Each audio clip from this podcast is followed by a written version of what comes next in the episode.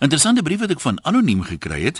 Weet nie of jy televisie kyk nie, jy mag dalk die bande advertensie al op televisie gesien het waar hulle jou nooi om gebrandmerkte bande te koop. Nou, dis anoniem se tema vandag. Hy het dit gesien en hy skryf daaroor en jy kan hierdie briewe van anoniem weer gaan beluister as potgooi op RSG se webwerf saam met vliegers se stories Dinsdae en Donderdae en die luisteraars môre Vrydag. Vandag skryf anoniem 'n halwe eier of 'n leë dop.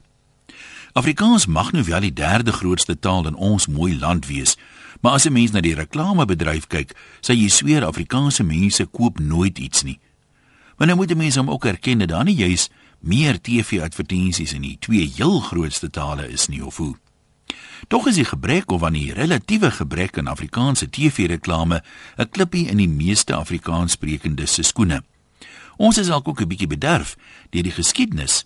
Iemand wat al lank in die reklamebedryf werk, sê vir my in die begin daarvan TV was dit glo verpligtend dat alle Engelse TV-advertensies ook 'n Afrikaanse weergawe moes hê. Vandag is ons so dankbaar teenoor besighede wat wel in Afrikaans adverteer, dat baie mense sê my geld praat net Afrikaans. En doelbewus daai besighede ondersteun, al is hulle soms selfs 'n bietjie duurder. Ons mense is mos lojaal. Nou wonder ek hoe suiwer is die Afrikaans wat jou geld praat? Is 'n halwe eie regtig beter as 'n leë dop? Is 'n feit dat baie min TV-advertensies oorspronklik in Afrikaans geskep word. Die meeste advertensieagentskappe het nie eers meer Afrikaanse skepende mense in diens nie. Die advertensies word meestal in Engels geskep en dan in Afrikaans vertaal. Is egter 'n oop vraag wie die vertalings doen. Soms klink dit of dit 'n Engelssprekende persoon kan wees wat 'n flink B-simbool vir Afrikaans standaardgraad op skool behaal het. Daai persoon het wel 'n ou Engels-Afrikaans woordeboek op sy lesenaar waarop hy oormatig steun ongelukkig sonder die nodige insig of taalintuïsie. Ek sien byvoorbeeld 'n bandehandelaar nooi ons in sy TV-advertensie om 'n spesifieke fabrikaat se gebrandmerkte bande te koop. Nou dit was waarskynlik branded tires in Engels.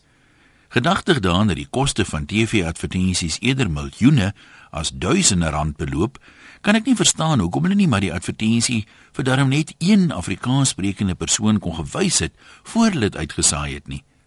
Dalk is dit omdat so min Afrikaanssprekendes nog behoorlik genoeg Afrikaans kan praat en dit dan maar moeilik is om iemand te vind wat wel beter weet. Maar gebrandmerkte bande? Dit klink hom te veel of dit 'n slagspreuk agterna kort, hè? Iets soos die moderne staker se keuse. Dankie aan die bandeplekse headquarters vir die Afrikaanse poging, maar as 'n halwe eier regtig beter is as 'n leë dop, as dit ook maar net net. Groete van oor tot oor en laat die wiele rol. Anoniem.